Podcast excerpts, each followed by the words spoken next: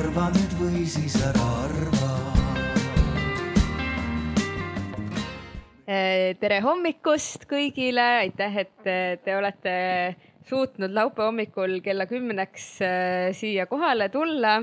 minu nimi on Natalii Mets ja ma modereerin paneeli nimega Miks me peame rääkima menstruatsioonist ja võib-olla siis paneeli kokkuvõtvas osas äh, jõuame selle vastuseni. Äh, mina olen äh, üks asutajatest MTÜ-le Päevad ja ööd, mis tegeleb menstruatsioonist tingitud vaesuse vähendamisega, menstruatsiooniga seotud stigmade vähendamisega ja üleüldiselt selle teema normaliseerimisega, kui nii võib öelda. Äh, ja täna me siis äh, räägime muuhulgas äh, menstruatsioonivaesusest, menstruatsioonist tingitud ebavõrdsustest, sellest tingitud katkestustest elus ja olukorrast Eestis. oma näidetes ja üldse kogu vestluses äh, ma teen ettepaneku, et keskendume rohkem äh, läänemaailmale, sest et äh, võib-olla teised regioonid on keerulisemad ja me lihtsalt täna selle nagu pooleteise tunniga ei jõua nii süvitsi minna. see tähendab seda, et, et meil on keerulised probleemid, aga on siis kohti, kus on, on erinevate nagu kultuuritaustade tõttu veelgi suuremad äh, ütleme siis äh, augud, millest üle äh, hüpata. aga ma alustan võib-olla siis oma kaaspanelistide tutvustamisega. minu kõrval on Kristel Rannaääre, kes veab solidaarset naistepäeva. kas ta soovib paar sõna selle kohta öelda ja võib-olla midagi enda kohta veel, mis on oluline tänases kontekstis või üleüldse? aitäh ja tere minu poolt ka äh, nagu öeldud, siis mina olen Kristel ja mina vean siis solidaarset naistepäeva nüüdseks juba neli korda.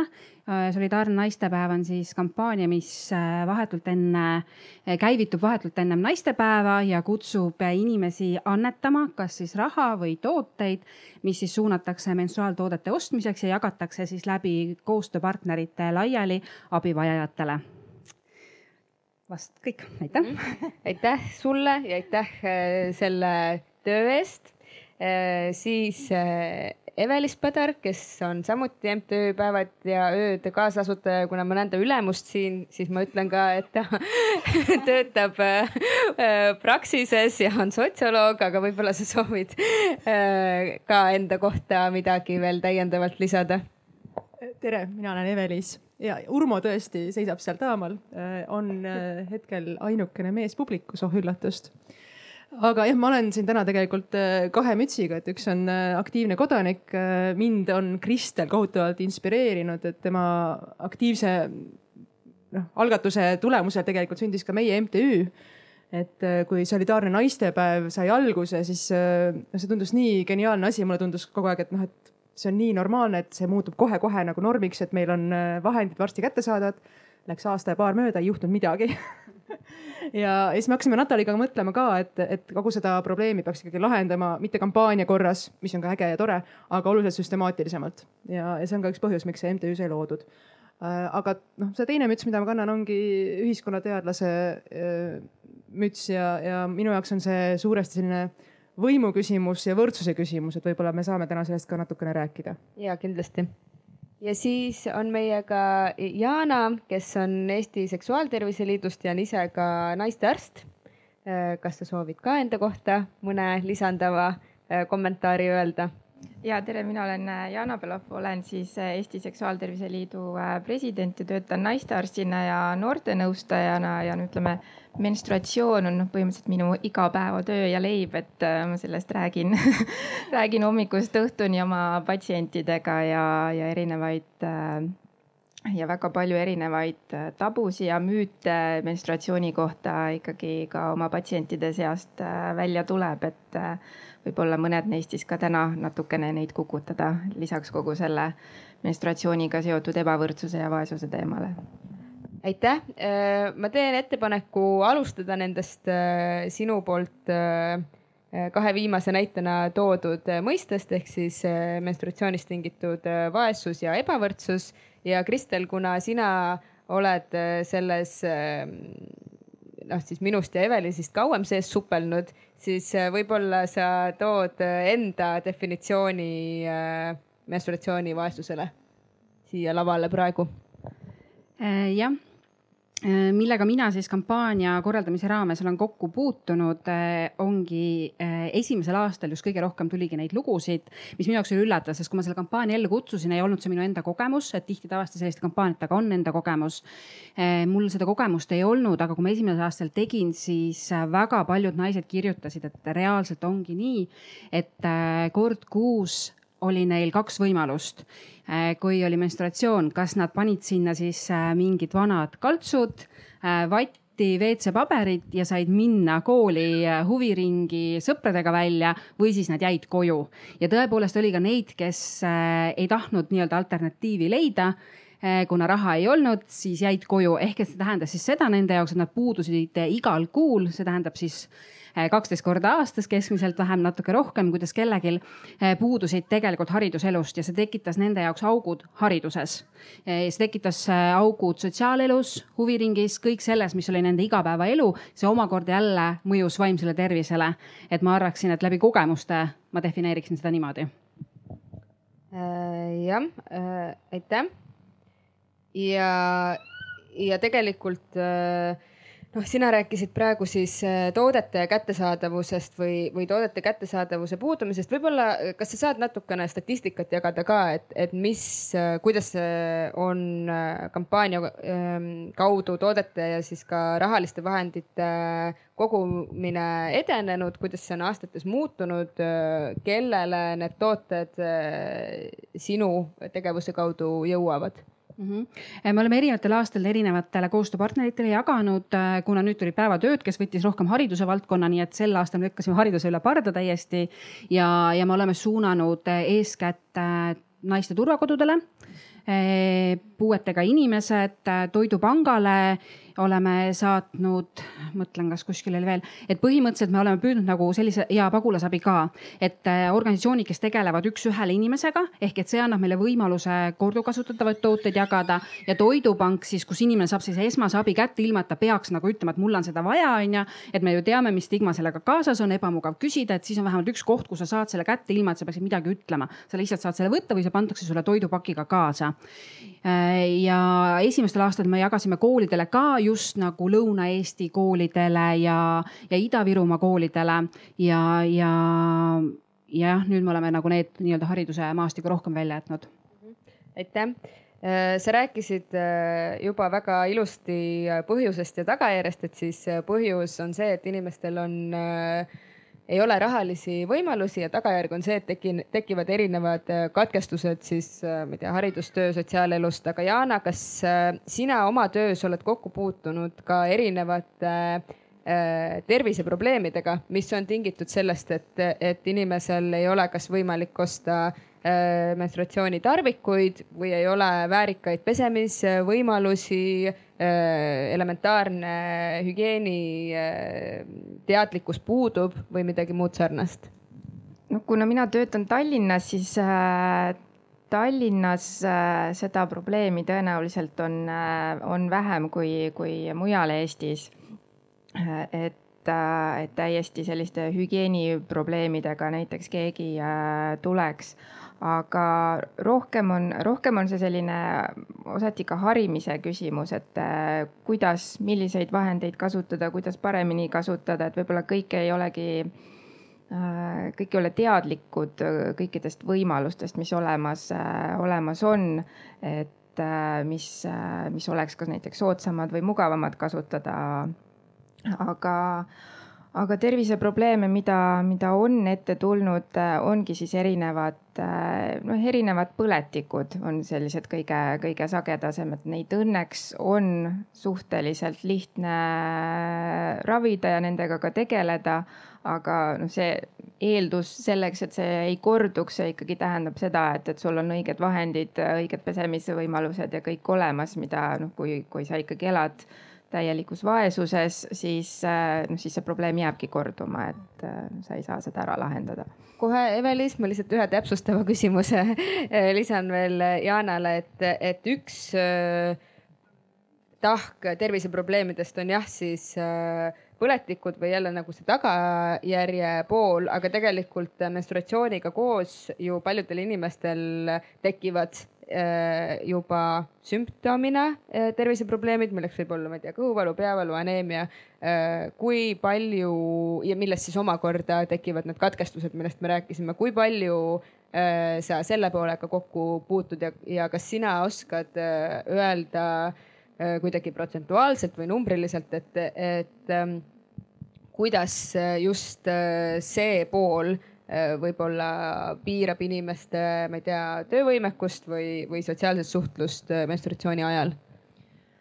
Äh, seda protsenti ma ilmselt ei oska sulle täpselt öelda, aga, aga erinevad menstruatsiooniga seotud kaebused, valud, ka noh, peavalud ka, aga ütleme, kogu see selline nõrkustunne vererohketest menstruatsioonidest, see kartus, et äh, menstruatsioon on niivõrd vererohke, et ma ei saa kuskile minna, et äh, kõik, äh, et see veri kuskile lekib ja, ja sellega kaasneb häbitunne, et see, see kindlasti paljusid piirab ja tegelikult äh, on neid äh, noori vastuvõtul käinud äh, tegelikult mitmeid, kes ütlevad, et menstruatsiooni ajal on need esimesed päevad äh, sellised, et nad ei saa kodust ega voodist välja.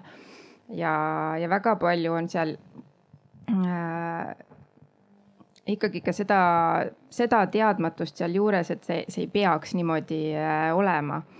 et äh, norm-, nii-öelda normaalselt, see normaalne on muidugi selline sõna, mida tegelikult väga kasutada ei tahaks, aga äh, menstruatsioon äh, nii-öelda tavapäraselt kulgev menstruatsioon ei tohiks kuidagi igapäevaelu selliselt, äh, selliselt mõjutada, et, et kui on ikkagi sellised valud või selline verejooks, mis äh, mis, äh, mis segab oma igapäevaseid toiminguid, siis see, see vajab ikkagi juba arstlikku tähelepanu.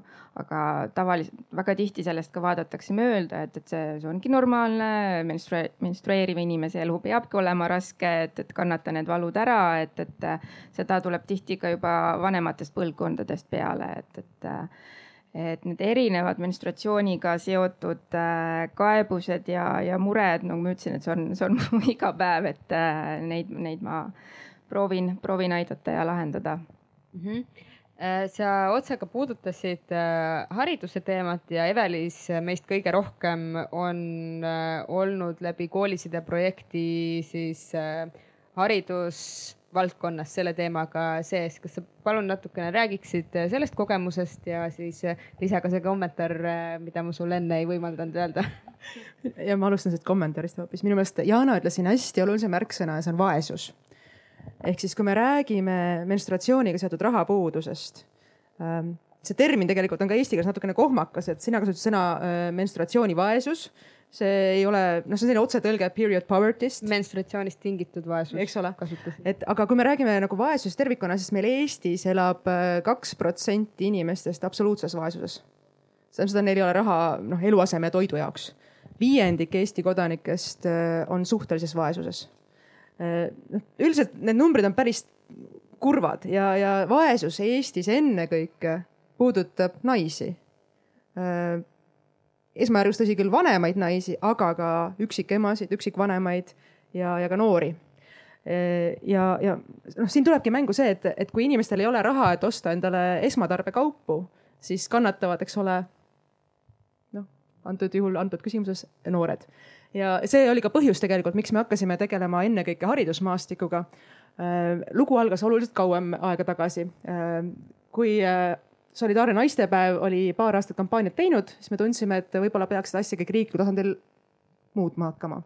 ja me korraldasime Nataliga rahvaalgatuse keskkonnas petitsiooni, et siis Riigikogu sotsiaalkomisjoni poole pöörduda ettepanekutega, esiteks alandada menstruaalvahendite käibemaksu tagasi masueelsele üheksale protsendile ja hakata pakkuma siis koolides ja avalikes ruumides tasuta menstruaalhügieenivahendeid noh, niimoodi nagu meil on äh, vetsudes, eks ole, nüüd juba norm see, et on äh, vetsupaber, seep, kätekoodispaber olemas.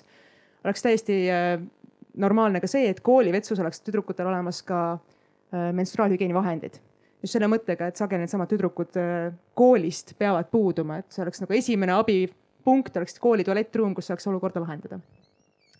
aga, aga Riigikogu kuidagi äh, no meil oli olukord, kus. no räägi nagu oli Ähm, meil on Riigikogus praegu kakskümmend kaheksa naist. sotsiaalkomisjonis on neist äh, neli või viis. Äh, enamik neist kuuluvad erakonda, kes on väga aktiivselt, erakondadesse, kes on väga aktiivselt võtnud sõna naiste kehade kontrollimise teemadel. Äh, reaktsioonid, mida me saime selle petitsiooni esitlemisel Riigikogu sotsiaalkomisjonis olid eranditult, ühe väikse erandiga siiski, naeruvääristavad, pisendavad, tühistavad ja mõnitavad Äh, ametlik vastus oli selline, et äh, jaa, probleem on olemas, aga sellega võiks tegeleda kohalik tasand. ja ei, et äh, maksu alandamine äh, ei muudaks olukorda. ja me võtsimegi kätte ja hakkasime suhtlema äh, kohalike omavalitsustega äh,. mina elan Tartu linnas ja me võtsimegi sabast kinni Tartu linna haridusametil, kes kutsus kokku kõikide koolide direktorid Äh, kellele me siis rääkisime äh, sellest probleemist. direktoritest üle kaheksakümne protsendi on meesterahvad. enamikele neist tuli mõte täiesti äh, välguna selgest taevast. aga nende suureks tunnustuseks ma pean ütlema, et Tartu linnas tuldi ideega kiiresti kaasa. linn leidis vahendid selleks, et hankida selleks õppeaastaks tüdrukutele tualettruumidesse, koolidesse sidemed ja tundub, et see pilootprojekt on tegelikult meil väga hästi käivitunud, et äh, nii koolinooorte kui ka tegelikult koolide äh, tagasiside, nii kooliõdede kui ka juhtide poolt on olnud hästi positiivne. ja kui me mõtleme, et, äh, et mis see kõik maksma on läinud, sest see on ju tegelikult otsustajate puhul alati see põhiküsimus, et mis see maksab, et idee on hea, aga kui see on liiga kallis, et no can do, et meil on muid probleeme ka. Kas keegi teist teab, kui palju maksab üks hügieeniside poes, tükihinda umbes? pakkuge kaheksateist senti pakuti. vot jah, kahekümne sendi kanti umbes. Äh, see on leti hind. Äh, hulgihind on äh, seitse senti. tootmishind on kaks senti. mida suuremad on hanked, seda soodsamad on hinnad, mida suuremal tasandil probleemiga tegeletakse, seda odavamalt seda lahendada saab. Tartu linna mõne tuhande tüdruku aastane varu läks maksma kuus tuhat eurot. See on täiesti naeruväärne summa, millest me räägime, kui me rääkisime kõikide Eesti tüdrukute äh,, ma vabandan, ma kasutan sõna tüdrukud, sest tegelikult mõnikord menstrueerivad ka noored, kes ei identifitseeri ennast tüdrukuna. ja ühesõnaga kõikide Eesti menstrueerivate noorte vahendite pakkumine koolidesse läheks Eesti riigieelarvest maksma umbes kaks või kaks pool miljonit eurot aastas. mis on noh, kübekene aga see, milliseid äh, tulemusi selle probleemi lahendamine äh, tooks, oleks noh üüratu, meil tekiks, äh, meil ei oleks seda puudumist, kõrvalejäämist koolist, sotsiaalelust, trennidest, nii edasi. lõppkokkuvõttes see lahendaks probleemi tervele tulevasele naiste põlvkonnale. Läksin natuke pikale, keegi tahtis midagi vahele öelda? ei, ei, anna minna et noh, tegelikult sa tõid juba nagu ühe lahenduse äh, lauale. ma lihtsalt kommentaariks ütlen, et, et äh, Tallinnas äh, me pilotiseerisime kultuuriasutustes, Tallinna siis hallatavate kultuuriasutuste näitel sedasama, et avalikus ruumis nagu ma ei tea, muuseumid, raamatukogud oleksid menstruatsioonitooted kättesaadavad ja ja nii siis asutuste enda tagasiside, mis tugineb äh, nende klientide käitumisele, äh, ütleb seda, et äh, see on väga positiivselt vastu võetud. muidugi üks suurimaid hirme ja ma ei, ma kujutan ette, et see võib ka Tartus niimoodi olla, on see, et kui hakata inimestele midagi tasuta pakkuma, mis on, mis ei ole harjumuspärane, et siis kipub olema neid, kes äh, krabavad väga suuri koguseid neid tooteid kaasa Äh, ja tõesti, see, selliseid näiteid oli ka Tallinnas, võeti kaasa ka terved need sellised läbipaistvates anumates olid need tooted, võeti kaasa ka neid anumaid. aga siis tasub meenutada seda, kui Tallinnas, võib-olla see on üle Eesti, hakati parkides paigaldama koera väljaheitekotte ja neid lihtsalt kogu aeg tühjaks tõmmati ja siis neid lihtsalt täideti kuni inimesed said aru, et need ei saagi otsa, et ei ole kodus enam kuskil hoiustada. et kui nagu sama äh, meetodi pidi läheneda, äh, siis ähm, noh, siis me jõuame ka sinna punkti, et, et alguses sul võivad need kulutused äh, suuremad olla, aga, aga lõpuks, kuni see jõuabki selle punktini, et, et need tooted on sama kättesaadavad, kui on kätepesuseep või vetsupaber, siis äh, ei teki ka seda nagu soovi või hirmu neid enam niimoodi krabada ja välis. koolijuhtidega oli meil just seesama teema, et äh, põhiline argument, miks nad ei tahtnud selle programmiga kaasa tulla koolisidemega oli see, et aga et siis hakatakse neid sidemeid ju vetsupotti toppima ja hakatakse nalja tegema. ja mis siis küll saab, et ma pean ju koolijuhina hakkama maksma tualettpoti ummistuse kõrvaldamise eest Äh, väga toredasti ütles selle peale üks äh, vanem naisterahvas, kes oli ka seal koosolekul, et aga mäletate, et kui äh, kuuekümnendatel, seitsmendatel hakati koolivetsudesse vetsupaberit panema. enne seda võeti see kaasa või noh, seda sellist asja nagu vetsupaber, see ei olnud ka norm. Et ja, et loomulikult tassiti alguses nagu rullikesi koju ka, aga see ongi osa sellest normaliseerimise protsessist, et loomulikult inimesed, kes pole mitte kunagi näinud menstruatsioonisidemeid või äh, noh, nad ei tea, et äh, nad ei saa otsa. Nende esimene reaktsioon on, et krahmame, aga see ongi selline nii-öelda laste haigus, mis on vaja üle elada. Äh, nüüd me Tartu koolidega küsisime ka kevadel, kui õppeaasta lõppes, et kuidas teil läks, et kas te, kas olid need hirmud nagu põhjustatud, põhjendatud? Ja siis mulle toodi vist ühest koolist näide, et ja, et teate, et meil Tartu koolid on väga hästi renoveeritud, et äh, osades koolides on ka ühised tualettruumid poistel-tüdrukutel ja eks loomulikult oli alguses siukseid tabusid ja õlavõdistamisi üksjagu, et kui me paneme nüüd sidemed sinna välja, et mis siis poisid mõtlevad. minu jaoks oli see täiesti kummaline küsimus, mis nad siis mõtlevad, nad saavad teada, et naised on ka inimesed, et on mingid loomulikud bioloogilised protseduurid ja noh, hea küll. et ühesõnaga üks poiss oli kleepinud siis kaks sidet peegli külge. tema arvas, et see naljakas ehm, keegi teine naljakaks ei pidanud, poisiga vesteldi paar sõna, rohkem episoode pole olnud. Ja sidemeid jagub ja need on siiamaani seal karpides olemas Mare ütleks, et tegelikult on see väga hea, kui on sellised ühistualettruumid ja võib-olla see ongi selle poisi jaoks ainuke koht, kus ta seda tegelikult reaalselt seda sidet näeb, mis aitab tegelikult ka sellel äh, poolel nii-öelda noortel äh, saada selle teemaga rohkem sina peale ja seda normaliseerida, et selles on nagu väga hea võimalus. sest me jõuame tegelikult tagasi sellesama ähm, noh, reproduktiiv, reproduktiiv ja seksuaalkasvatuseni, mida kiputakse sageli poistele ja tüdrukutele eraldi tegema, et meil oli kevadel fookusgrupp Võru noortega, kus me küsisime ka, et äh, kui palju nad teavad, kuidas nad teavad üldse, üldse menstruatsiooni kohta ja nad kõik tõid välja, et meil löödi, löödi äh, poistega eraldi, tüdrukutele räägiti kuuendas klassis midagi menstruatsioonist, näidati sidemeid. me ei tea, mida poisid samal ajal tegid. aga kui me mõtleme selle peale, needsamad poisid kunagi kasvavad suureks, nad on võimupositsioonidel, otsustavad poliitikud, koolijuhid, kes iganes ja nad pole kunagi endale teadvustanud seda, et teate, et naistel on menstruatsioon. selleks nad vajavad mingisuguseid vahendeid, mis maksavad raha.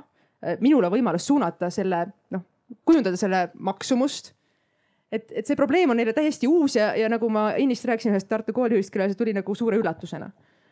nüüd me jõudsimegi otsapidi ka otse nagu haridussüsteemi eh, ja seksuaaltervisesse, et tegelikult ka selle kooliside eh, projekti kaudu eh, me tegelikult ju tegeleme seksuaalhariduse andmisega et äh, muidugi ideaalne oleks see, kui, kui äh, selle võib-olla projekti käivitamisega kaasneksid ka koheselt mingisugused loengud, äh, materjalid ja nii.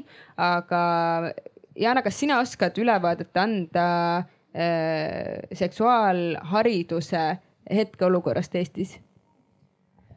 see on keeruline küsimus seksuaalharidus Eestis on, no ta on väga ebaühtlane siiamaani erinevates, erinevates koolides. ta on muidugi, ta on osa kohustuslikust haridusest inimeseõpetuse raames aga see ikkagi väga-väga sõltub sellest, kes siis seda ainet edasi annab, mis teemad ta siis seal nii-öelda üle libiseb, mis teemad äh, saavad rohkem tähelepanu. et äh, noh, see ongi, mõned koolid on väga heas seisus, mõned, äh, mõned noored on väga teadlikud kõikidest teemadest, aga, aga nagu siin need kogemused siin juba siit lähiaastatest on olnud, et, et ongi ikkagi siiamaani jagatakse klass pooleks, tüdrukud ja, tüdrukud ja poisid ja, ja ühed saavad ühe info ja teised saavad teise info, et no see tegelikult ei peaks olema sedasi, et noh, et sellised nii-öelda tavapärane bioloogia, kuidas keha toimib, äh, no seda, no seda peaks te teadma kõik, eks, et äh, võib-olla tõesti ei pea mittemenstrueerivad inimesed teadma päris täpselt, et äh, kuidas sa siis selle sideme paned ja mille, mille alusel sa valid neid vahendeid, eks.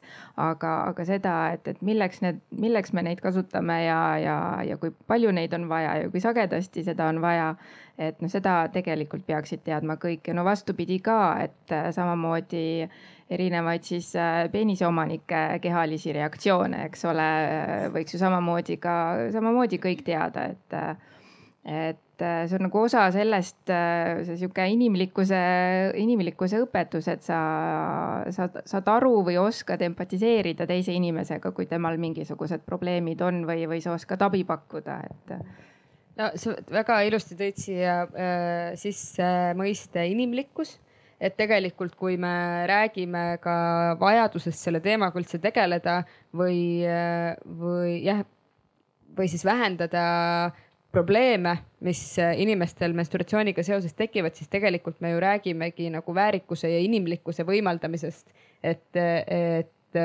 sa saaksid jätkata oma elu segamatult, inimlikult ja, ja väärikalt. ma vahepeal lihtsalt küsin, kas kellelgi on küsimusi?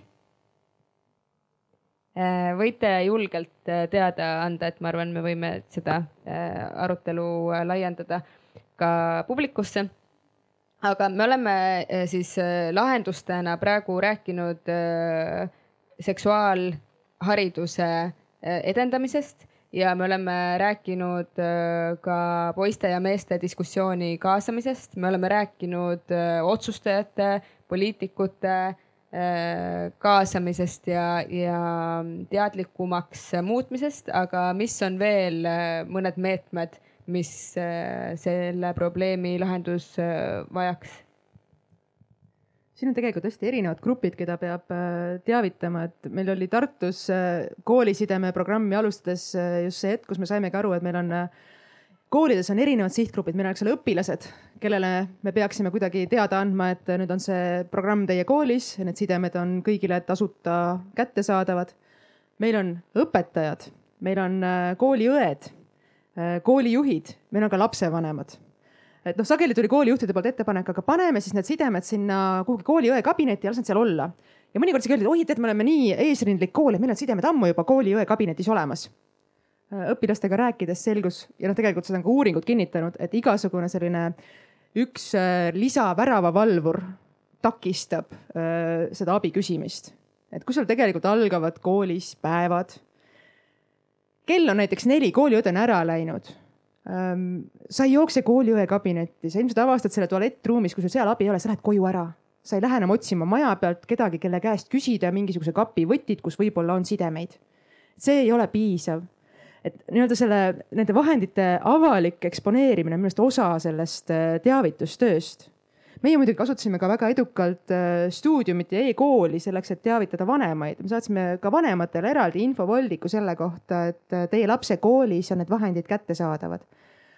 jällegi koolijuhtide poolt kardeti, et võib-olla tuleb selliste konservatiivsemate vanemate poolt mingisugust hurjutamist, pahandamist võib-olla minnakse miks närvi. Eksp eksponeerite minu poissi sellistele asjadele? ja täpselt või miks teie materjalis on kirjas, et menstrueerida võivad ka noored, kes ei identifitseeri ennast tüdrukuna eks me olime valmis selleks, aga hea uudis on see, et äh, kas vanemad ei loe siis seda e-stuudiumit üldse? Või on see nagu nende jaoks selline noh, normaalne asi, et väga tore, et koolis seda pakutakse ja tehakse, et neid äh, asju me kardame rohkem, kui tegelikult väärt on, et seda tegelikult need reaktsioonid või reaktsioonide puudumine ka kinnitas. aga millal me jõuame Eestis äh, ühiskonnana sinna kohta, kus menstruatsioonitooted on osa elementaarsetest hügieenitarvetest, nii nagu on seda tualettpaber? mina isiklikult arvan, et sinna on veel pikk tee minna.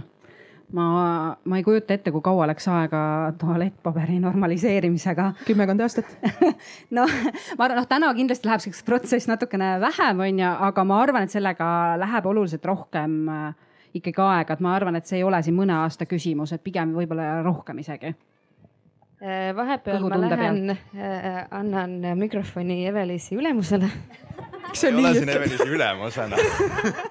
Ta on tegelikult sõber ka. Ja, ja, ja huvikaitse äh, aspektist, äh, huvikaitse entusiasmina, äh, entusiastina küsiksin seda, kuidas teil teiste kohalike omavalitsustega on läinud, kui paljudega te veel lisaks Tartule olete jõudnud praegu suhelda, mis plaanid on ja, ja millal on plaanis Riigikogu sotsiaalkomisjoni uuesti minna siis külastama? aitäh, see on väga hea küsimus sa nüüd kindlasti huvikaitse entusiastina äh, tead ka seda, äh, mida tähendab töö kolmandas sektoris. Ehm, see tähendab seda, et inimesi on vähe, nad on ülekoormatud. Äh, Tartu linnaga tegelemine oli tegelikult juba päris, päris suur ettevõtmine. me oleme nüüd Nataliiga jaganud Eesti pooleks, tema on siis Põhja-Eesti eest vastutav, mina Lõuna-Eesti eest vastutav. nüüd sellel sügisel on meil plaanis Võrumaa ära vallutada ja eks me püüamegi niimoodi jupikaupa kogu Eesti ära katta. hästi tore on see, et meil on nagu Järvamaa koolidest ka mõned ise ühendust võtnud, huvi tundnud. et äh, see ongi selline jõudluse küsimus, et loomulikult me võime seada eesmärgi, et, et viie aasta pärast on kõikides Eesti koolides see normiks, et see kirjutatakse eelarvesse sisse. Äh, vahendid hangitakse koolide enda poolt, see on noh, raha on selleks eraldatud aga no me teame, et, et ajas võib väga palju muutuda, me ei tea, mis majandusega toimub meil on väga palju ebakindlust selle koha pealt. Äh, sotsiaalkomisjoni äh, kindlasti on plaan tagasi minna, kui seal on natukene see koosseis muutunud, ehk siis äh, vaatame märtsis, mis juhtub.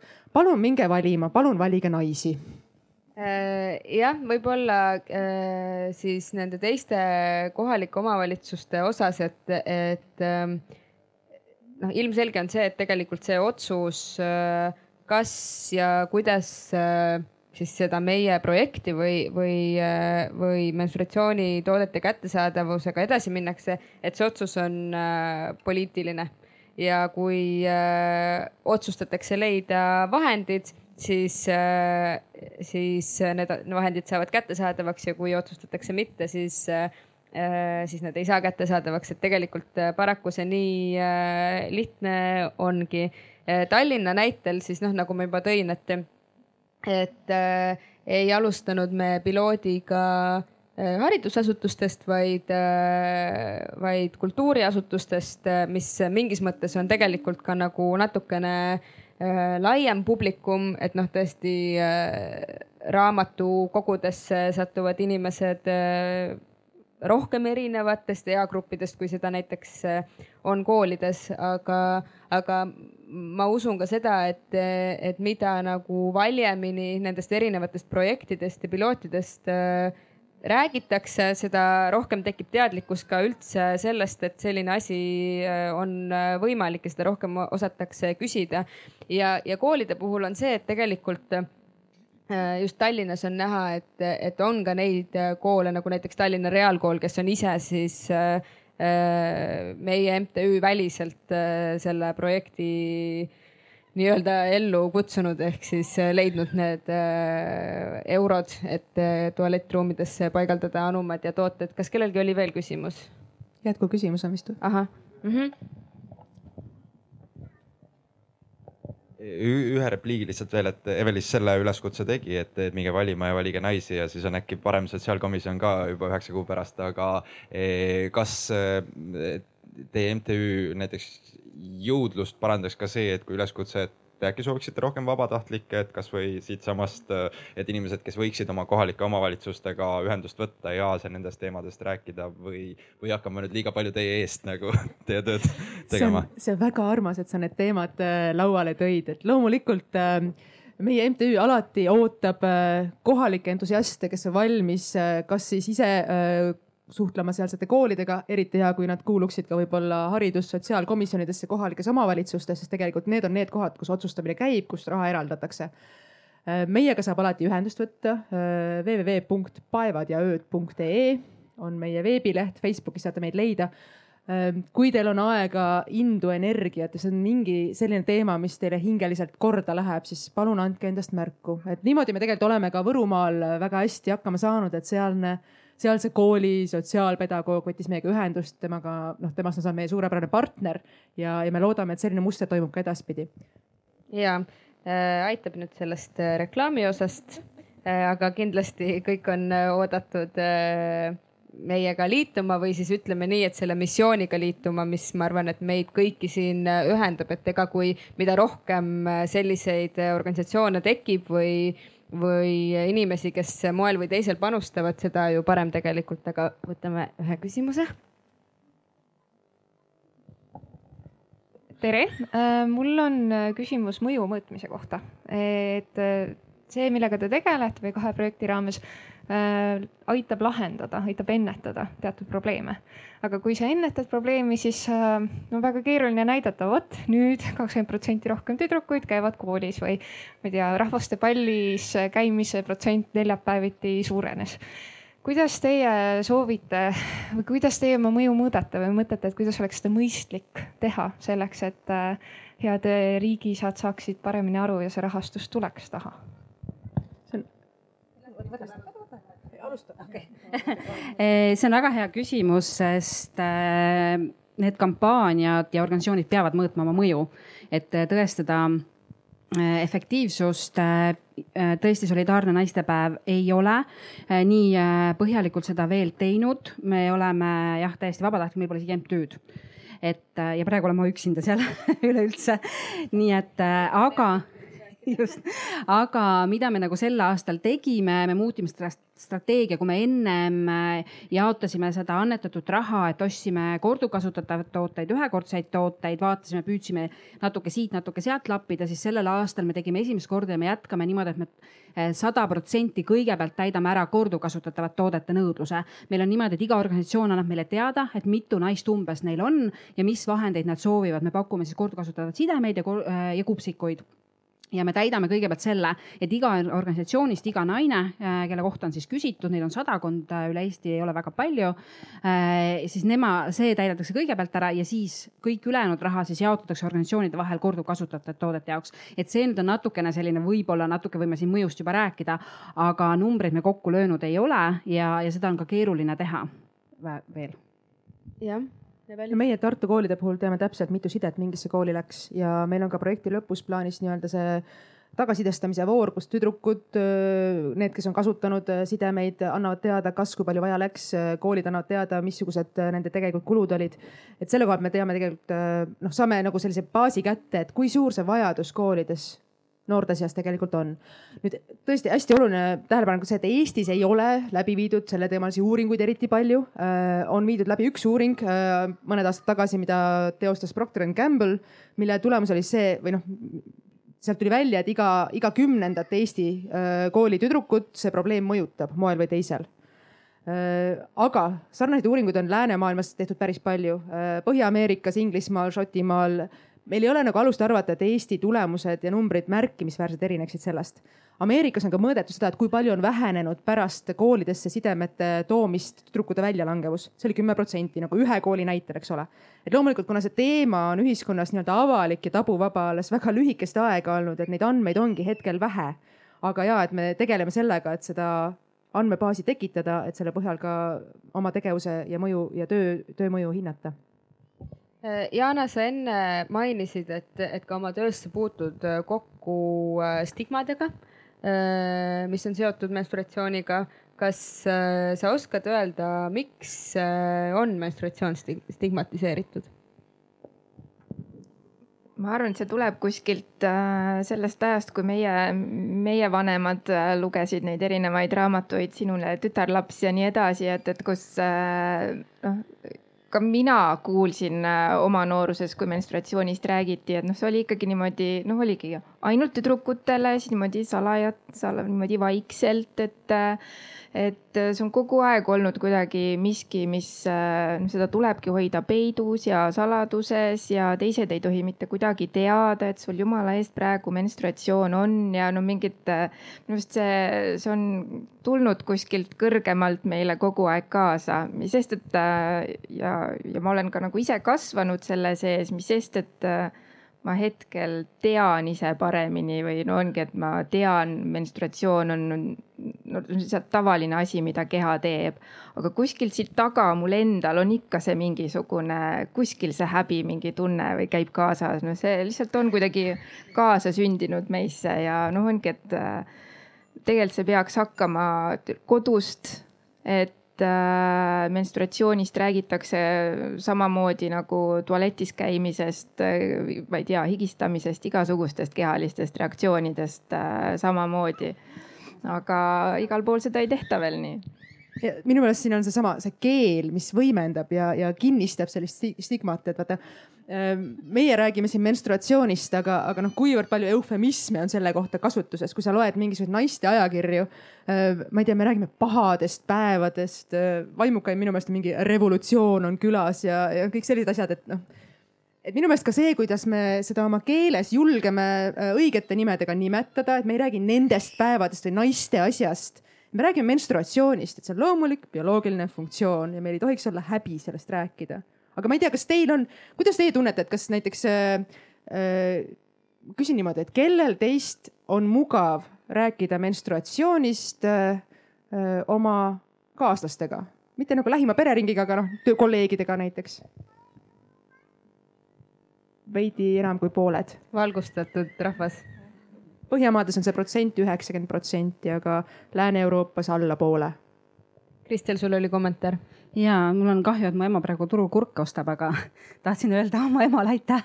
et äh, mina olen selles põlvkonnas, kus väga palju ei räägitud, aga minu ema rääkis äh,. ma mäletan oma esimest seksuaalharidust emalt, see oli siis, kui ma olin kas lasteaias või algklassid esimeses klassis, mis on eriti varajane selle aja kohta. ja ma arvan, et kui mu ema poleks seda käiku teinud tol ajal, ei oleks ma nii teadlik olnud ja ma ei oleks seda kampaaniat vedanud aitäh, ema äh,. jah, nii. Mis su ema tegi Ehm, väga palju tegelikult rääkis, kui ma nüüd tagantjärgi mõtlen, et see ei piirdunud ainult päevadega, see oli kogu selline seksuaalharidus. ainuke asi, mis jäi tegemata, olid piirid, sest see ei olnud sel ajal võib-olla ka temale nii teada teema, aga tõesti, eh, kuidas reageerib keha, eh, kuidas keha kasvab. Eh, alati, ma tõesti mäletan seda esimest raamatut, ma võib-olla osad teist on näinud sellise kollaste kaantega, mis oli lastele mõeldud seksuaalhariduse raamat. see oli see, mis ta andis mulle kätte, ma lugeda ei osanud, vaatasin pilte ja siis ma sain küsimusi küsida ja kõigest võisin vabalt vabalt küsida ja ma mäletan, et kui ma olin tiinekas, siis ta tõi mulle koju meeletus hulgas nagu raamatuid ja me saime arutada selle üle, et see ei olnud nii, et kuule, ma sulle panen siia padja alla, sa vaata ära, aga ära küsi, et ma sain alati küsida, et see vabadus oli ka. Ja kodus oli alati eh, seksi teema oli alati avatult räägitud. Ma ei hakka siin ütlema, mis oli mu ema lemmikväljend. Aga okei okay,, mis on võib-olla hea ka seksuaalharidus, kui teed, siis mitte kunagi põõsas, kodus, turvaliselt, inimesed, keda sa tead. aitäh, ema nii, veel üks küsimus ja ma nende mõjude peale lihtsalt mõtlesin, et, et kõik need samad teemad, et kuidas me oleme üleüldse rääkinud, et mina olen ka kindlasti üks neist, kellel on pigem raske rääkida siiamaani. minu jaoks kõik sellised teemad, nii menstruatsioon kui seks ja selle detailid on hoolimata sellest, et ma võin neist kirjutada kuskil avalikult, on mul siiski raske kohati rääkida. ma lihtsalt mõtlesin selle peale, et kui palju on uuritud või, või arutatud kõikide selliste projektide tulemusena näiteks maailmas, kuidas ähm, või võib-olla siis just nagu näiteks meeste pool, et kui palju nende jaoks paraneb äh, see mitte ainult arusaam, aga võimekus suhelda või rääkida, sest mulle tundub, et see kõik on ju otseses seoses äh, tervisega, seksuaalkäitumisega, et kui ma suudan neist asjadest rääkida, siis on lihtsam äh, küsida, tähele panna, hoolida, et kas, kas selliste asjadega tegeletakse? Kõik on tummad see on väga hea küsimus, sest jah, tihti on selle teemaga ikkagi rohkem nagu naised olnud seotud, et ma ei tea, kas mina ei ole sattunud uuringute otsa, kus oleks mm -hmm.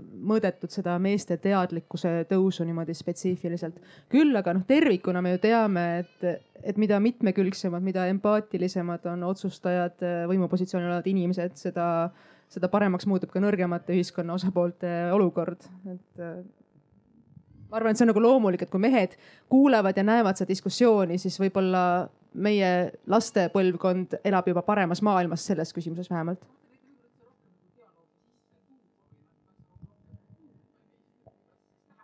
Natali, kuidas meil läks sellega, et siia üks meessoost koolijuht kutsuda?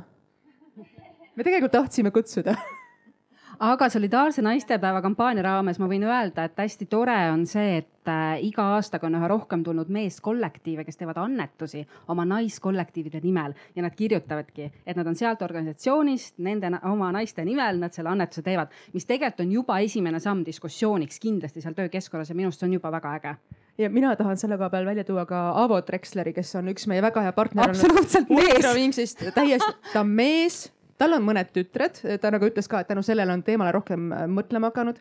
aga see, kui palju tema on panustanud äh, noh, nii rahaliselt, logistiliselt kui ka kaasamõtlemise koha pealt, äh, on juba väga hea näitaja tegelikult, et meil on ettevõtjaid, meesterahvaid, kes on selle teemaga peaaegu et algusest peale kaasas olnud. ja ta on hästi aitäh, Avo, kui sa meid kunagi kuulad just, ta on hästi innukas olnud, et kui me koostööd alustasime, siis ta leidis mu ülesse, kuna ma olin Aktuaalses Kaameras rääkisin, siis ta võttis minuga kohe ühendust ja me oleme rääkinud temaga detailideni välja, kuidas sidemeid kuskil tehastes tehakse, et ta teab väga täpselt ja, ja tõesti väga hea eeskuju meestele. Äh, ma tooksin või jätkaksin seda meeste ja naiste temaatikat äh, ühe minu jaoks väga nagu üllatava reaktsiooniga, mis on olnud korduv äh, seoses äh, selle projektiga või noh, üldse seoses sellest äh, teemast rääkimisega, on küsimus, mis on olnud meestepoolne, mis, milleks on, et aga mis te siis meestele pakute, et, et see, ärge naerge midagi, sest et see on, see on nagu siiras küsimus, mille lisaküsimus on see, et kui äh, naised äh, saavad tasuta äh, sidemeid ja tampoone, et miks te siis meestele tasuta kondoome ei paku, mis minu jaoks äh, oli nagu valgustav selles suhtes, et ma tegelikult ei olnud kursis, et meestel on mingisugune ettenägematu bioloogiline reaktsioon, milleks neil on tarvis tasuta kondoome, aga kuidas, äh, milline on teie reaktsioon sellele küsimusele või sellele mõtteviisile, et ähm, noh, ilmselgelt on ju tegelikult äh, ebavõrd, ebavõrdne on olukord, kus äh, ühel poolel ühiskonnast on tarvis teha kulutusi, kusjuures see pool on ühiskonnas ka see, kes on vaesem, kellel on niikuinii rahaliselt statistiliselt vähem äh, vahendeid, aga Jana, võib-olla sina oskad äh, jagada mõtteid selle kohta? siin minu arust see taandubki sellele, sellele arusaamisele või sellele küsimusele, et ongi, et, et nagu see menstrua-, nagu see menstruatsioon oleks äh, miski, mida me iseendale toodame ja tekitame, et ja siis meil midagi on selle jaoks vaja et siis sellega hakkama saada, et minu arust seal on jälle see, et, et noh, see ei ole mingi, see ei ole mingi lõbuasi või sihuke huvitegevus äh, ja, ja, ja selle jaoks äh, toetuse saamine, et, et noh, tõenäoliselt kui, kui oleks äh, kui oleks siis äh, meestel sarnane probleem, see oleks tõenäoliselt ammu ära lahendatud, eks, et äh, ja me ei räägiks äh, ja me ei räägiks sellest, et peaks koolides jagama sidemeid ja, ja üldse mingisugusest menstruatsioonivaesusest, kui see toimiks, toimiks samamoodi kõikidel, kõikidel sugudel, kõikidel kehadel jah, sa viitad sellele samale võimu küsimusele, et kui, kuna mehed on võimul, siis see teema paraku on jäänud äh, peitu. aga äh, tegelikult Natal, seda muret ei ole tundnud mitte ainult mehed, et ma meenutan äh, valulist kogemust taaskord sotsiaalkomisjonist, kus sama mure oli Gert Kingol kes küsis siis, aga et kui te nüüd hakkate naistele ja meestele tampoone ja vabandust, kui te hakkate naistele sidemeid ja tampoone pakkuma, et kas te siis hakkate meestele raseerimistarbeid pakkuma? Äh, tol hetkel ma olin tõesti noh, sõnatu, aga seda on mul ka hiljem tegelikult küsitud. kusjuures minult on ka. ja, ja noh, ma ütleks selle koha peal praegu, et kui nüüd mees jätab habeme ajamata ja läheb tööle, mis siis juhtub? Urmo, oskad sa kommenteerida? saab ja saab kenasti tööpäevaga hakkama. kui naine läheb kooli ja korraga avastab ennast vene keele tunnis vereloigus istumas. mis sellega seotud on, mis need tagajärjed on, mis, mida see, mida see tüdruk tunneb, mida suure tõenäosusega ülejäänud klassiruum, võib-olla mõned konservatiivsed õpetajad teevad, kuidas nad teda toetavad, kas nad teda toetavad, noh, sellega on niivõrd palju rohkem selliseid surveid ja tabusid seotud et sa ei saa iial hakata võrdlema seda, et aga nüüd on meestele midagi võrdväärselt head vaja. No, sest mehed on nagu kogu aeg olnud läbi ajaloo sellel võimupositsioonil. päriselt te tahate nüüd endale raseerimistarbeid või? Nojah, selles mõttes see on, tege, see on tegelikult ka nagu populism, millega ei ole tarvis kaasa minna, millest on lihtsalt vaja nagu mööda vaadata ja rahulikult enda eesmärgi ja missiooniga edasi töötada, mitte lasta ennast nagu kõrvale kallutada, sest noh, ilmselgelt need kommentaarid, mida me seal saime, oli väga palju ka lihtsalt selle nagu aja täitmiseks äh, toodud, et, et äh, nagu ka need spetsialistid, kelleks seal oli siis näiteks Maris Jesse, et nemad ei saaks äh, sisukat tagasisidet anda, et ei saaks tekkida sellist äh, äh dialoogi. aga äh, nüüd ma natukene kaldun äh, kõrvale või võtan uue teema, et Kristel, teie kogute enda kampaaniaga äh, siis nendele oma partnerorganisatsioonidele alati äh, ühekordseid äh, vahendeid ja, ja ma olen näinud avalikust tagasisidest ja, ja sa oled seda ka ise välja toonud, et, et ähm, sellele nagu on hakatud vaatama viltu või selle kohta küsitakse, et miks, äh, miks nii, miks te korduvkasutatud tooteid ei jaga, et see aitab ju vaid ühe korra ja tegelikult on ka nagu keskkonnale kahjulikum. et miks see on siis nii? Jah, tõesti, nagu ma ütlesin, me sel aastal seda lähenemist natuke muutsime, nii et me täidame sada protsenti korduvkasutatavate toodete äh, nõudluse ja siis ühekordsed tooted, aga miks me siis ainult äh, ja kõigile ei paku, siis seal on hästi palju erinevaid äh, nüansse. et esimene asi ongi see, et see partnerorganisatsioon, kellega me koostööd teeme, nemad panevad selle statistika kokku vastavalt siis oma naiste vajadustele ja kui me mõtleme vaesuse peale, mida see endas kätkeb ja mida vaesus tegelikult tähendab, siis vaesus võib tähendada ka seda, et sul ei ole kodu. kui sul ei ole kodu, siis sul ei ole vett, ei seisvat, ei voolavat, mis tähendab seda, et korduvkasutatava toote kasutamine ei ole sulle võimalik siis on tulnud mulle väide selle kohta, aga ma lähen metsa, mul ka ei ole seal vett, et ma kuskilt leian, keedan läbi, saan kasutada. jah, see olukord on erinev, sellepärast et metsa minnes sa mõtled selle jaoks endale läbi, see on sinu jaoks oluline teema. iga päev see ei ole sinu jaoks probleem, see on üks hetk, kui sa lähed metsa, sa ka seal kasutad, sa oled selle läbi mõelnud. inimene, kes võitleb sõna otseses mõttes ellujäämise nimel, teda ei huvita keskkond ta tahab seda, et tal oleks homme toit laual, tal ei ole aega mõelda sellele, kas ta jõuab selle kupsiku läbi keeta iga kord, eh, kust ta selle vee leiab või inimene, kes on näiteks vägivaldses suhtes, et vaesusega käib paratamatult kaasas äh, vahel ka ja rohkem äh, vägivald. ehk et sul on vaja mõelda sellele, et kodu oleks korras, et sa peksa ei saaks, sul ei ole aega mõelda selle kümne minuti kupsiku keetmise peale. või ka sidemed tegelikult, sidemed ei ole see, et panen pesumasinasse, pesen ära, et tegelikult neid tuleb vastavalt kuivatada, on ju, venitada ja kõik see. kui me räägime noortest, kes on sotsiaalselt ebaküpsetes peredes, kus on vaesus sul ei ole võimalik seda protseduuri seal jälle teha, et see ei ole nii lihtne. lisaks me te te teeme koostööd pagulasabiga, kust tulevad teisest kultuuriruumist inimesed, kes ei soovi kasutada tooteid, mis on kehasisesed nii et seal on väga palju erinevaid äh, nüansse, millega peab tegelikult arvestama. et, äh, et äh, me näeme seda, et nendel organisatsioonidel on, kui jälle mõjust rääkida, et aasta aastaga on kasvanud soov korduvkasutatavate toodetele, mis tegelikult näitab, et see info levib. mingi grupp saab toote kätte, on andnud tagasisidet, teised suhtlevad ja see levib. et selles mõttes me näeme natuke nagu mõju kasvu ja me oleme suurendanud seda. aga fakt on see, et me peame jääma ka ühekordsete toodete juurde just selle tõttu, et me räägime teatud grupi inimestel kellel on ellujäämine number üks, keskkond kümme kahekümnes äh, me rääkisime enne erinevatest äh, või justkui hakkasime rääkima äh, erinevatest ähm, meetmetest, mis oleks tarvis probleemi vähendamiseks rakendada, milleks siis on toodete kättesaadavus, meeste ja jõupositsioonil olevate inimeste diskussiooni kaasamine. aga Jana, kas sa oskad veel tuua mingeid näiteid, et näiteks või, või, või kui mitte näiteid, siis nagu soovitusi või soove, et, et kuidas võiks äh, inimesi kaasa aidata. näiteks äh, see oli vist Hispaania või Prantsusmaa, kus äh, äh, hakati või hakatakse tolereerima haiguspäevade, tasustatud haiguspäevade andmist töö juures selleks, et Hispaania. Just Hispaania, et äh, siis äh, menstruatsioonist tingitud erinevate tervisehädadega äh, või muredega koju jääda. võib-olla alusta sellest, et, et kas sa arvad, et selline samm on positiivne, kas see on midagi, mida teised riigid võiksid ka järgida? ma arvan jah, et see on positiivne, et, et, et on, keegi on teadvustanud selle, et, et menstruatsiooniga võivad kaasneda ka erinevad tervisehädad, mis, mis sul võib-olla mõnel hetkel, mõnel päeval kuus ei võimalda samaväärselt tööd teha ja, ja ja, ja kui, ja kui sulle siis sellega ka need haiguspäevad hüvitatakse, see on, see on täiesti no täiesti normaalne ja, ja õigustatud.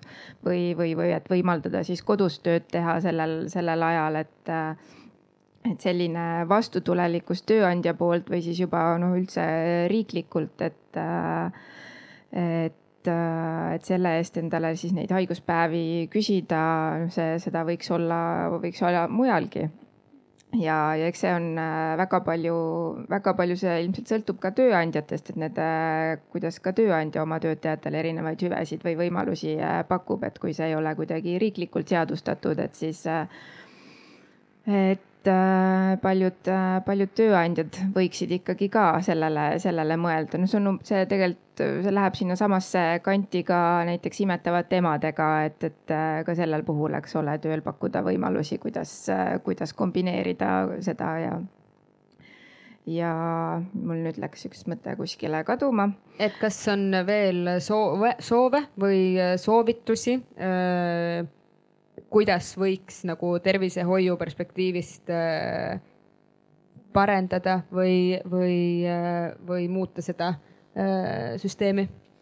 no kui me räägime noortest, eks siis äh, samamoodi see, et äh, kui äh, noh, nagu me teame kogemuste põhjal, et paljud noored ikkagi on jäänud siis menstruatsiooni tõttu äh, koju koolist, äh, koolist eemale. ükskõik, kas see põhjus on siis äh, sellest tingitud, et sul ei ole vahendeid või see põhjus on sellest, et su menstruatsioon on niivõrd valulik, et sa ei saa kaasa teha kooli minna, et, et siis see võiks ka olla nii-öelda selles mõttes õigustatud puudumine, et, et see noor ei saa sellepärast pärast Äh, mingisugust lisatööd või, või karistust või, või ta peab hakkama oma kontrolltööd järgi tegema. või et saab sinna oma kahe, eks, sellepärast et ta õigel päeval äh, koolis ei olnud, et, äh, et see võiks olla samamoodi samamoodi nii-öelda õigustatud puudumine, mida ei peaks hakkama kuskilt ka perearsti kaudu või, või kuskilt kauge ringiga hakkama põhjendama, et, et see võiks olla samamoodi arusaadav siis õpetajatele ja õpetajatele, noh, samamoodi ka tegelikult ka arstid, perearstid võiksid äh, nagu leebemalt sellesse suhtuda, et äh, kui, kui on see teada, et, äh, et see menstruatsioon näiteks on niivõrd, niivõrd valulik, sellega on mingisugused haigused kaasas, et sellele noorele või, või siis miks mitte ka täiskasvanud inimesele selline haigusleht väljastada, aga noh, ütleme Eestis selline, et ma nüüd iga, et sellist etteulatuvat haiguslehte me ei saa, saa teha, aga noh, see on võib-olla asi, mida ka kunagi mõelda mm. -hmm. ja mis perearste puudutab, siis tegelikult sa enne mainisid ka seda, et, et osad inimesed, ma eeldan tegelikult, et väga paljud eeldavad või arvavad, teavad enda arust, et, et need erinevad äh, raskused äh, või tervisemured, mis menstruatsiooniga kaasnevad et need on normaalsed, et tegelikult perearst võiks osata ka selle kasvõi võib-olla teemaks võtta, küsida regulaarsel kontrollil, et kuidas mensuratsiooniga on ja kui tuleb välja, et on valulik, siis suunata edasi juba erialaspetsialisti juurde. paljud siiski teevad seda, et äh, selles osas äh, ei äh,, ei, ei ole küll midagi perearstidele kurta. Küsin korraks Jaana käest, kas tohib? et äh, see on sinu... niikuinii teed, mis sa tahad, nii et anna minna arut-, arvamusfestival, ma küsin ka äh,. kuidas sinu kui naistearsti kogemus on, et äh, või teadmine, et kas äh, valulik menstruatsioon on normaalne? kui on valu selline, mis äh, segab su, et sa ei saa oma eluga tavapärases rütmis edasi minna siis see, siis see ei ole enam normaalne, kas sa siis vajad selle jaoks valuravi ja sellega on kõik okei okay, või sa vajad juba muid lahendusi. et noh, et need lahendused on olemas, aga, aga kui, kui see ikkagi on selline, et sa ei saa oma eluga tavapärases rütmis edasi minna, siis, siis ei ole täiesti normaalne. Äh, küsimus oli vist publikus, jah.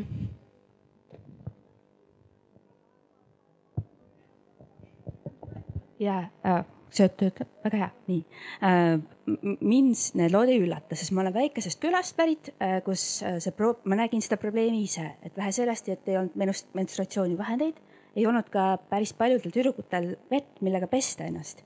ja see oli veel lisa neile, et neid tabas väga suur häbi sest seda häbistasid ka õpetajad ja äh, äh, ma ise oma kla väikeses klassis nägin, kuidas õpetaja käis äh, avalikult deodorandipudeliga ümber lapse ja äh,, ja äh, rääkis sellest, et kuidas ta haiseb, sest ta vanemad olid väga vaesed ja ta käis laudas tööl, et lisaraha teenida oma kooliasjade jaoks, et tõesti oli väga vaene Põlvamaa küla ähm,.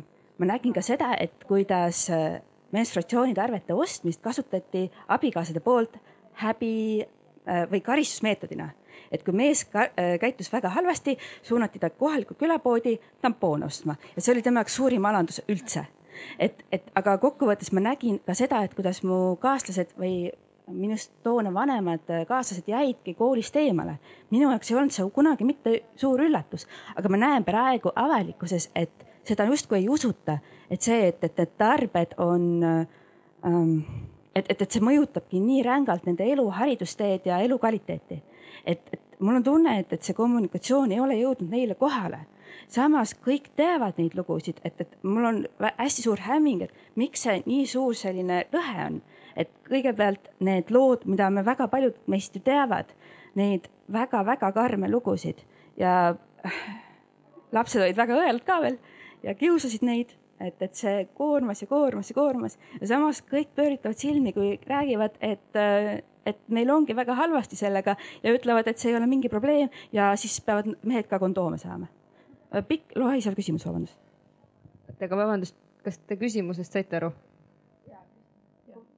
küsimus oli see, et miks see lõhe on, et, et, et suured probleemid versus äh, ei usuta seda, et see probleem on ma võib-olla lihtsalt äh, alustaks vastamisega sellest, et äh, äh, olles seda siis neid projekte vedanud või, või ka nagu avalikkuses äh, sellel teemal sõna võtnud või kirjutanud, siis äh, äh, väga palju pahameelt äh, väljendavad äh, just kas siis nagu ekstra konservatiivsed äh, või lihtsalt konservatiivsed äh, mehed.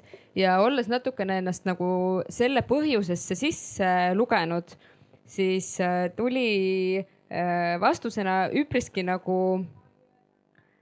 noh, kui nüüd järele mõelda, siis see ei ole jahmatav, aga, aga võib-olla siis nagu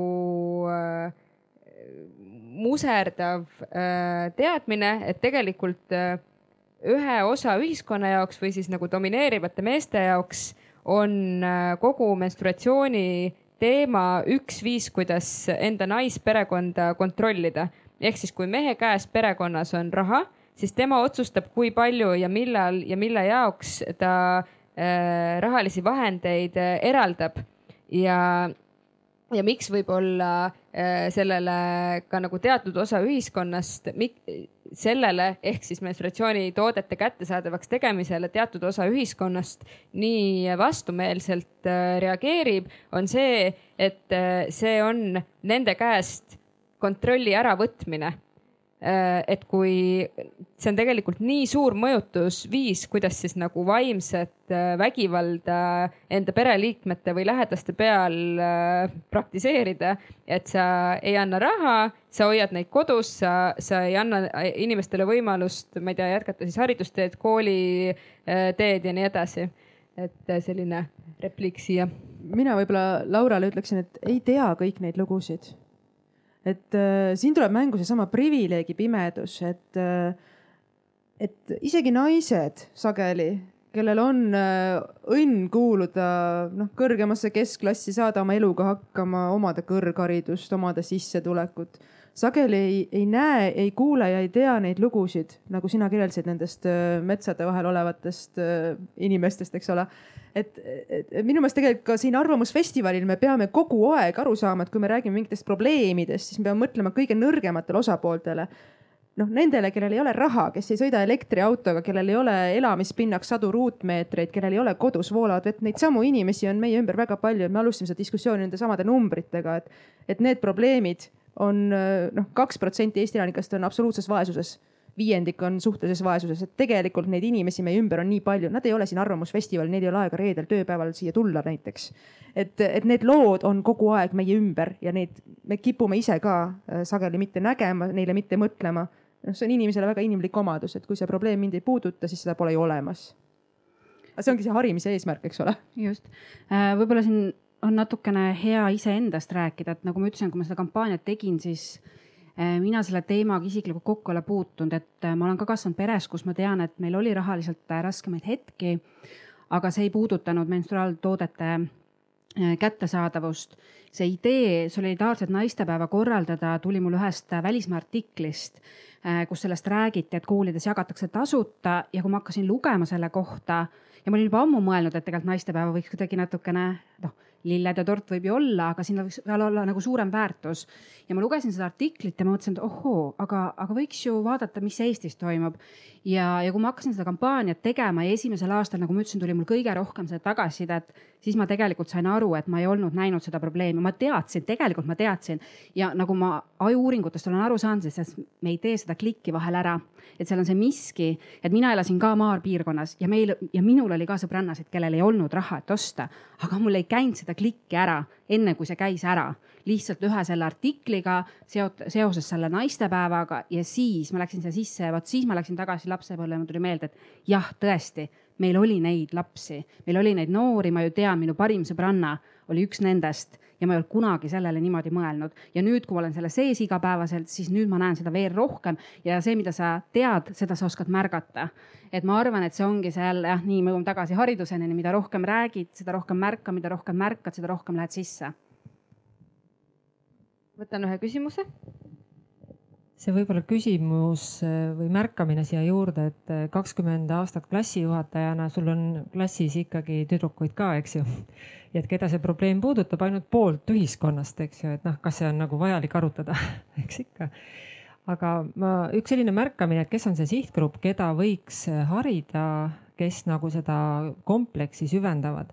et kui me vaatame kaks tuhat kaheksateist TALISe uuringu järgi, et Eesti õpetajad, noh, me teame protsentuaalselt, kui palju seal on umbes mehi, eks ju siis me teame ka, kui vanad nad keskmiselt on. Järvamaal on minu arust viiskümmend viis, oli see näitaja siin. et eh, noh, mõnel neist on juba viimasest menstratsioonist ka juba kümme aastat, eks ju. või enamusel neist siis juba on see teema nagu pigem, et ah, see ei ole igapäevane mure, ta ei tunne teiste tundeid võib-olla onju. ja see valehäbiga kasvanud põlvkond on ju koolis õpetajad ka ja seesama, et mida ma nagu klassijuhatajana nagu märkasin, et tüdrukud tõesti ei julgenud panna puudumise põhjuseks äh, nagu noh, ta pani ta tervislikel põhjustel. lõpuks ütleb kekaõps onju, et kogu aeg see puudub, eks ju, noh, mis meil on siis, meil on kord kuus seda, eks ju. kui juhtub kekatundi olema, siis see on tervislikud põhjused, siis võib olla, et sul on veel mingi häda noh, et sul, ma ei tea, nohu ka tuleb vahepeal onju, siis on jälle tervislikud põhjused. Ja pidevalt on nagu selline noh, et sa ei ütle, et kuule, et mul olid nüüd päevad või halloo klass, et ma siin natuke ebamugav, täna mul on tumedad riided, siis mul on päevad, eks. et keegi ei hakka ütlema, et võib-olla see eeskuju nagu klassijuhatajatelt julgustada nagu ütlema vähemalt klassijuhatajale, et kuule, et seisa mu eest onju, selle kekaõpsi nagu, et ma ei jookse täna Cooperi testi onju et lihtsalt naisena, klassijuhatajana ma arvan, et see me teame ju küll, et tüdrukutel on seda valehäbi rohkem, aga võib-olla see ta, nagu tarkus rääkida ka kollektiivides, et kolm asja nagu, et oleme naisõpetajad, ärme ütle kohe, et sina kogu aeg puudud ja sul on kogu aeg mingi häda või noh, et kasvõi see üks asi nagu käivitab mõnel tüdrukul sellise, et ta nagu tõesti ei taha enam minna sinna kekatundi. juhtus midagi, seda meenutatakse, et noh, lihtsad asjad ja arvestades tõesti, et see generatsioon, kes koolis on praegu keskmiselt õpetaja, no ma ei tea, kuidas mujal see protsent praegu on, aga noh, põhimõtteliselt viiskümmend viis pluss, eks ju. et see mittemõistmine on nii valdav, mida ma olen märganud, et, et kui otsida, et mida, mis see töö on, mida te teete, et see on nagu sihtgrupina vajab vot see generatsioon koolis, kes on nagu nii palju kontaktis noortega vajaks harimist ma kohe ja minu arust on see hästi hea mõte, kuna ma igapäevaselt töötan äh, hariduses ja olen õpetaja ja LGBT teemat tegelen ka, siis see läheb natuke sellega hästi kokku, et tegelikult äh, õpetaja võiks öelda välja see on okei okay,, kui sul on päevad ja sa sel ajal puudud, tule ütle mulle, tee see käik ära, et ta teaks, et tal tekiks see, aa, okei okay,, ma võin selle õpetajaga rääkida. Et ma, ma, ma ei tuleks elu sees, noh, mul on sama see LGBT-ga onju, et ma võin oma õpetajale öelda, kui õpetaja on öelnud, et need teemad on tema jaoks okei. Okay. menstruatsioon, täpselt sama asi ütle õpetajana välja seal klassi ees või oled sa mingi muu inimene seal hariduses, ütle välja oma õpilastega suhted, et minuga võib sel teemal rääkida, see on okei okay,, tule julgelt pöördu mu poole. Ja tegelikult natuke laiendama seda, et kuidas sa võid pöörduda, et on okei okay,, kui sa päevade ajal puudud, et laienda võimalikult palju, et see noor teaks, mis teemadega täpselt, tal ei piisa sellest, kui ta teab, et okei okay,, ja see õpetaja ütleb, et menstruatsioon on okei okay,, onju, aga kas ta tegelikult teab, et noh, et mul on väga raske võib-olla puududa, kas ta üldse teab, et selline asi on olemas, et see on tegelikult hästi oluline. noortega suheldes on välja tulnud just inimõiguste inimõiguste valdkonnas see teema, et nad ei tea, kelle poole pöörduda, kes on turvaline ja kui palju turvaline ja see omakorda paneb selle palli käima ja mina mingil juhul ei hakkaks siin eristama meesõpetajaid, naisõpetajaid. minul näiteks on, oli põhikooli algusest saadik ainult meessoost klassijuhatajad. Ehm, ma arvan, et selliseid noori on veel ja, ja tegelikult peab iga klassijuhataja sõltumata oma soost olema valmis pakkuma oma noortele turvalist koolikeskkonda, sest noh, see on ju see, mida me tegelikult tahame et oleks turvaline ja väärikas käia koolis. Jana, kas sa soovid midagi lisada? ma arvan, et äh, siin on kõik selles, selles osas äh, öeldud, et jah, et, et kui sa, kui sa töötad koolis, sa töötad noortega, siis, äh, siis jah, ükskõik, mis sinu kehaga toimub või mis soost, mis soost sina oled, siis see, millega noored peavad rinda pistma, et selle, selle kõigega empaatiline ja turva, turvaline nendele noortele olla tuleb igal juhul, et äh, aga noh, ongi, et eks, eks õpetaja, õpetajate haridusega tuleks ka kindlasti ütleme, see kehalised funktsioonid, äh, menstruatsioonid, äh, kogu, kogu LGBT teema, no üldse kogu see seksuaalharidus, eks ta, õpetajad vajavad selles osas kindlasti väga palju veel ka harimist ja koolitamist. Äh, meil on äh, viisteist minutit äh, paneeli lõpuni. kas publikus on küsimusi või kommentaare? võib-olla keegi tahab jagada mingit enda kogemust? jah. Teie mõelge välja lõpuremargid ma toon siia lihtsalt ühe sellise veel positiivse näite, et kui noh, te oma tegu, tegutsemises, vabatahtlikus tegutsemises, eks ju, hakkate kaotama usku, et siis eh, ühe riigigümnaasiumi noorsootöötajana eh, ma pean ütlema, et meil oli noh koosolek, kus me panime nagu aastas olulised teemasid noh niimoodi ritta. Ja oli neli naist ja kaks meest. Ja kuidagi nuputasime, et vaata seda võiks nagu vaadata sellel aastal veel ja siis koolijuht mees ütles, et kuule, aga meil on see menstratsiooni teema ju jäänud täiesti arutamata, et me nagu mõtlesime, et, et nagu, et mitte kas küsimus ei olnud laual, vaid et kuhu me paneme, eks ju, et noh, meil on, et mis, kus on see üks konkreetne koht, kuhu see kapp läheb. Et nagu noh, respekt, et see on juba koolis, see on vähemalt edumeelsetes koolides olemas. et nii, nii tore oli see märkamine. Ja me panime selle ilusti päevakorda, et õpetajatele tutvustada, et me tegeleme selle teemaga, eks ju. aitäh, selle loo eest mul, äh, mina puutusin see aasta kokku äh, kaitseväega, sellise organisatsiooniga ja seal oli, rääkisin ühe siis tegevväelasega, kes, kelle juurde tulevad ka ajateenistujad ja ma mingi hetk ma küsisin selle kohta, et aga üldse tegelikult, kui palju nagu naisi ajateenistuses käib ja mis nagu seis meil sellega on ja natuke nad avasid seda tausta, et, et miks, mis on mingid motivatsioonid, miks naised tulevad või lähevad. aga ähm, see oli hästi üllatuslik koht minu jaoks, kus kuulda ka väga sellist nagu edumeelset lugu sellest, kuidas siis selle tegevteenijal oli ka äh, üks ajateenistuja, üks naine, kellel äh, olid, äh, tal oli lihtsalt väga verine menstruatsioon olnud, mis vajas ka pärast nagu seda tualeti koristamist, mida ta nagu poistega koos kasutas.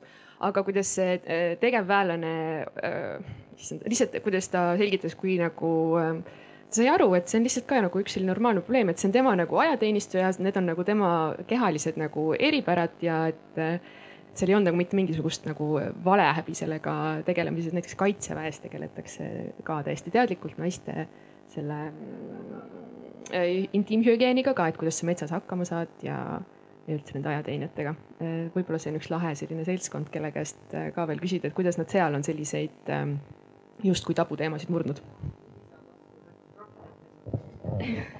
aitäh.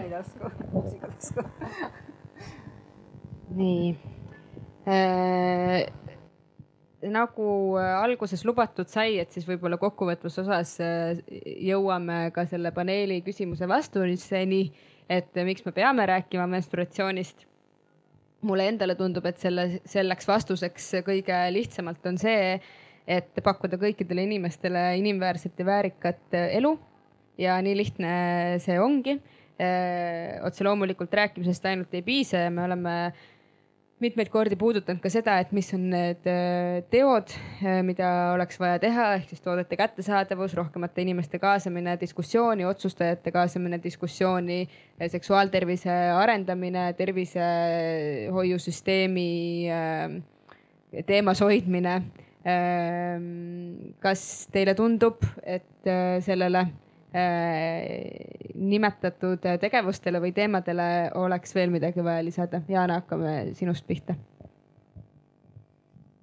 mina arvan, et lihtsalt, et äh, menstruatsioonist, äh, menstruatsioonist peab rääkima millestki kui täiesti tavalisest, tavalisest asjast, ei tasu seda kuidagi väga müstiliseks teha, ei tasu seda, ei tasu seda vaiba alla pühkida, vaid rääkida kui normaalsest kehalisest reaktsioonist ja, ja sellisena teda ka võtta äh, ja aru saada, et, äh, et see on, see on asi äh, nii-öelda, mis, mis puudutab poolt, poolt elanikkonda mitmel-mitmel korral aastas, mitmeid aastaid järjest, et see, see ei ole midagi millega, millega me tegeleme ainult niimoodi, ainult korraks ja natukene. ja statistiliselt vist on enam-vähem nii, et üks naine äh, siis keskmiselt terve äh, menstrueerimisaja äh, kogu oma elus menstrueerib kokku viis järjestikku aastat. kuus või seitse isegi see, see, see arv tegelikult tõuseb, esimese menstruatsiooni vanus tuleb aina nooremaks arvestades seda, et äh, sünnitamisiga järjest äh, tõuseb, siis äh, seda nii-öelda menstrueerimise aega tuleb aina rohkem ja juurde. kui me võrdleme mingi sajaaastase taguse ajaga, siis naised jäid rasedaks, imetasid, rasedaks imetasid, et nad võib-olla menstrueerisid võib-olla kümnendiku sellest, mis praegu. nii et noh, mis on ka selles mõttes on arusaadav, miks see menstruatsioon on natukene nagu sihuke tabuteema või uus teema ühiskonnal üldse, kuna seda varasemalt oli oluliselt vähem. Evelis? me tõesti veedame aastaid oma elust menstrueerides ja ma arvan, et sellest äh, rääkimine ja, ja ilma häbenemata rääkimine on miski, mida noh, siia kogunenud kõik vist juba võiksid hakata või lausa juba praktiseerivad et see, et te tulite ja valisite pühapäeva, laupäeva hommikul kell kümme selle teema kuulamiseks näitab juba, et te olete natukene erilisemad inimesed. Aga, aga jah, et mida mina nagu julgustan inimestel tegema, ongi see, et kasutame, kasutame õigeid sõnu, ärme varja, ärme peida. see on, see on loomulik keha funktsioon, see on täpselt nagu hingamine, südametöö ja sellesse tuleb suhtuda niimoodi ja tõesti jah, naistel on taaskord siin see pioneeri roll, et me peame mõnikord äh, oma sisemistest sisse kasvatatud hirmudest ja tabudest üle saama. kui me mõtleme oma noh emadelt, vanaemadelt saadud pärandit, siis äh, noh perekondi, inimesi on erinevaid. aga jah, et, et see, te sundisite ennast siia arutelu teemale tulema, äh, annab mulle lootust, et te suudate ennast ka sundida sel teemal tulevikus ükskõik kellega vabalt rääkima ja ma võtan siit kohe jutujärje üles, et tulite täna siia varsti,. varsti-varsti on uus naistepäev, võtke oma meeskolleegid, klassikaaslased kampa, istuge maha ja rääkige naistepäeval menstruatsioonist rääkige sellest täpselt, kuhu annetada, eh, milline näeb menstratsioon välja, miks see vajalik on, mis vaesus sellega kaasa tuleb ja kõik see, nii et tehke järgmine samm ja nii see muutus tekib. täpselt, et see nelkidele minev raha saatke parem nagu nendele naistele, kellel päriselt on seda raha vaja menstruaaltarvete ostmiseks, et selleks on päris mitu organisatsiooni juba Eestis. jah, aitäh eh, minu poolt, ma loodan, et see, mida me täna eh, tegime, on algus Äh, või siis ütleme nagu pika teekonna alguse pool olev äh, üks sammudest, et lihtsalt normaliseerida Eesti ühiskonnas midagi, mis äh, on olemas, on väga loomulik osa, ei kao kuhugi. et lihtsalt rohkematel inimestel oleks rohkem paremaid võimalusi inimväärikaks eluks. aitäh kõigile, aitäh kõigile naistele ja Urmole, kes täna meiega siin liitusid